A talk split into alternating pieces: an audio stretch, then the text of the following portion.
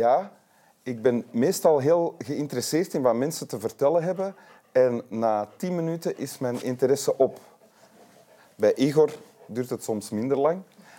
Daarom duurt een aflevering van Winteruur ook Tien minuten? Correct. En geen minuut langer. Welkom in Winteruur, Isolde Lassoen, uh, muzikante, drumster van uh, Daan onder andere. En, uh, en. En mezelf, jouzelf dan. En Absent Minded. En binnenkort komt er een plaat uit van jezelf. Yes. Allee, over een paar maanden. Ja, de plaat is al klaar. Ja. Hoe, hoe heet ze? oh dear. Oh dear, ja. Spannend. ja, spannend. Heb je zin dat de plaat uitkomt? Ja, enorm. Ja. enorm. Daar werk je zo lang aan en dan moet je ook nog eens zo lang wachten Ja. uh, dat die kan verschijnen. Dus, uh, ja. We wouden dat het al lente was. Um, en je hebt een tekst bij Klopt. uit het groot verhalenboek van Ratatouille. Eigenlijk uit de film Ratatouille, uit Ja. de Pixar-film. Oké. Mag ik lezen? Ja, we luisteren. In tal van opzichten heeft een criticus het makkelijk. We nemen weinig risico's, maar staan toch boven de mensen die hun werk en zichzelf aan ons oordeel onderwerpen. We gedijen op negatieve kritiek. Die is leuk om te schrijven en om te lezen. Maar de bittere waarheid voor ons critici is dat in het grote plaatje de gemiddelde waardeloze rommel wellicht zinvoller is dan onze kritiek die het als rommel afdoet. Maar soms neemt een criticus wel een risico. In het ontdekken en verdedigen van iets nieuws.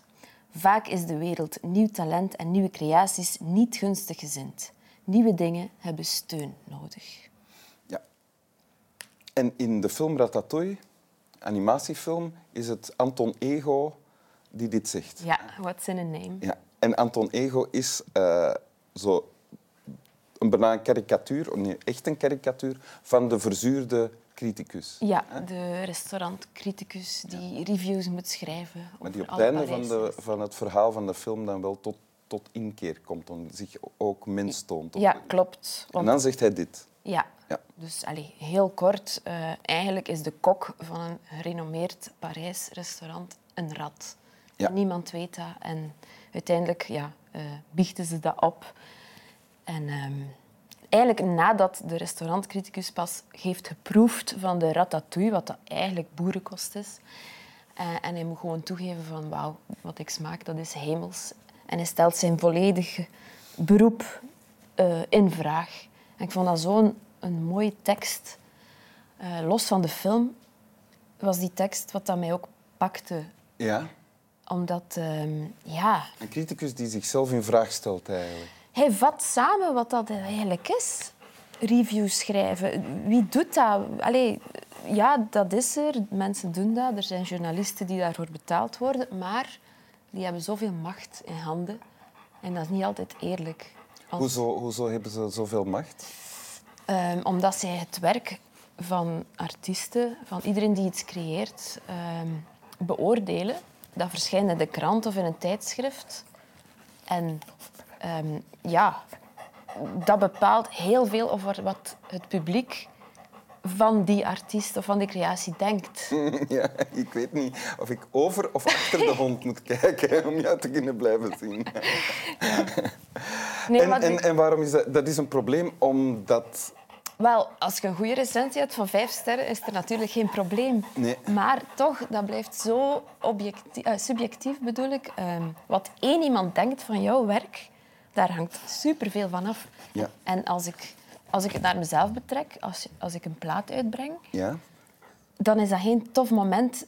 Die week dat die plaat uitkomt, weet je dat er ook recensies verschijnen. Ja. En dat is eigenlijk zo is bang spannend. afwachten. Dat is dat eigenlijk bang afwachten. Ja. Want je vindt je eigen werk natuurlijk goed. Je vindt je eigen werk fantastisch, anders zou je het niet uitbrengen. Ja.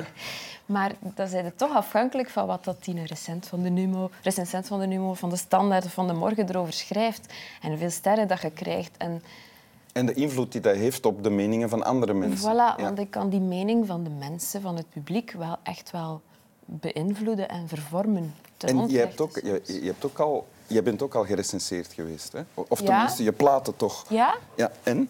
eigenlijk allemaal goed. Mijn vorige plaat was eigenlijk super, super. Het was één en minder bij en dan maak ik mij dan kwaad in. Dan denk ik, maar jij hebt niet geluisterd, hè? Ja? Dat er op die plaat staat. Dat, En hoe, dat voelt lang duurt dat dan? Als je dan één negatieve kritiek of, of mindere kritiek, eh, is het dan twee dagen en dan is dat voorbij? Of, of blijft dat lang nazien? Dat is ondertussen van 2017 gelezen, geleden en ik weet nog steeds wat dat er in dat tekstje stond. Terwijl in al die supergoeie recensies, dat weet ik niet meer woord voor woord. Ja, ja, Ja, dus dat blijft hangen. Hè. ja, dat is de pest dat u blijft bezighouden. Hè? Je voelt je daar onmachtig door. Je wilt, dat, je wilt je vergoeilijken of, of je wilt begrijpen, maar waarom vinden die dat van mij of van mijn muziek? Of, het is ook moeilijk om het niet persoonlijk te nemen. Ja, en dat, dat lukt dan ook niet. Meestal lukt dat niet. Je neemt je dat voor. Je ziet iets staan over jezelf. Dat gaat ook, ik wil het eigenlijk ook doortrekken, dit thema, naar sociale media en naar eh, artikels, krantenartikels, alle comments eronder. Je ziet iets staan over je en je denkt, ja, ik, oh, belachelijk, ik trek mij dat niet aan. En dan begint dat toch te borrelen in je hoofd en dan begint het een beetje te, te koken ook. Zo, allee, kom aan, nee, ik trek het mij niet aan. Ik ga douchen. En onder de douche denkt je ook heel de tijd, allee, oh, waarom heeft die persoon dat toch over mij geschreven? Dat, je kunt daar niks aan doen, maar dat staat wel op het wereldwijde web voor iedereen zichtbaar. Ja. ja. Terwijl eigenlijk waarschijnlijk bijna niemand het ooit gaat lezen. Maar bon, dat denk ik dan natuurlijk niet. Ik denk, iedereen ziet dat. Want eh, heb je dan, ben je dan op so- social media al geconfronteerd geweest met wat ze Soms haters wel. of haters noemen? Ik denk dat dat in mijn geval heel goed meevalt. Ja? Ehm, omdat ik daar ook wel mee bezig ben hoe ik mij profileer. Ik wil mijn credibiliteit bewaken en mijn, mijn imago en zo. Dus ik, ik gooi mij niet zomaar voor de leeuwen, Ja? om het zo te zeggen. Maar je komt wel hier zitten. Ja, maar ja. Sander, is het veilig. Op dit programma kun je toch niet kwaad zijn? Nee, nee, nee. Allee, pas op. Mensen zijn over alles kwaad. en, en Maar sorry, ik onderbrak je. Je had het over... eh, eh, Een, een, een Ja, dus als, als ik dan toch iets negatiefs zie staan, dan trek ik het mij wel aan. En dan moet ik ook vaak denken aan zo echte BV's die groot zijn, die, die alle media doen.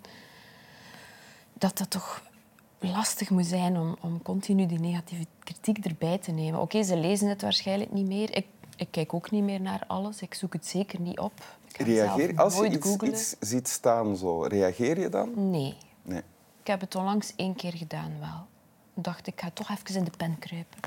Ja. En heeft dat geholpen? Nee, die persoon heeft heel kort geantwoord en mij dan ge- geblokkeerd. Het is de omgekeerde wereld. Ik zou die moeten blokkeren, maar... Dus dat is oké, ja. maar, van, maar van die persoon ga je dan wel geen last meer hebben. Nee, dat is waar. En ook, dat blijft, dat blijft een paar uur hangen en dan is dat echt wel weg. Nu kan ik daarmee lachen. Dat is Ah, mijn systeem. Ja, ja, omdat dat slaat nergens op. Versta je? Dat is iemand die mijn kop niet kon zien op tv. Ja. Ja, Is er een oplossing? Want het, ik denk het fenomeen dat mensen kritiek geven op andere mensen en dat die kritiek niet noodzakelijk eerlijk is of terecht, dat zal niet binnen het jaar opgelost zijn, denk ik. nee, nee. Dat is misschien Maar wel denk- eigen aan de mens. Als je het in twee dingen opsplitst, enerzijds de recensenten, die kunnen misschien gewoon opbouwende kritiek geven of zo. Hè. Ik vind dat Nederlanders dat bijvoorbeeld beter doen, Ja. dit terzijde. Eh, en als je het naar persoonlijk leven of sociale media ehm, trekt, dan... Ik weet het niet. Ik hoop dat er zoiets bestaat binnenkort als robots die een beetje kunnen filteren. En, of gewoon, ja, een soort bewaking over wat wordt er geschreven en mag dit wel verschijnen. Allee, bon, dat, is, dat is natuurlijk vrij meningsuiting, hè, maar fatsoen of zo, een fatsoenmeter installeren. Eh, Er is nog geen eh, uitsluitsel wat betreft de oplossing voor het probleem. Maar Nee, het dan, dan begint moet bij... ethisch eerst vastgelegd wat is fatsoen Eerst en wat we is het zien niet meer. wat het probleem is ook natuurlijk. En de oplossing voorlopig is fatsoen. Ja, ja, denk gewoon eens na voordat je iets schrijft. Want wat dat, dat aanricht, dat is nooit tof voor een andere mens om uitgescholden te worden. Ja, En denk daar gewoon even over na. oké. Goed, dat zullen we dan doen vanaf nu. Ja. Wil je de tekst nog eens voorlezen? We zijn al met twee.